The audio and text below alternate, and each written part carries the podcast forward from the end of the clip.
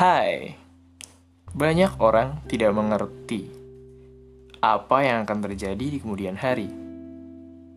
Dan banyak juga orang yang frustasi karena mereka tidak terlalu berpikir ke depan.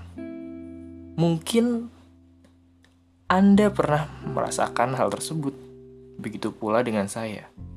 Tapi banyak kisah yang akan diceritakan di sini, bukan cuma tentang saya.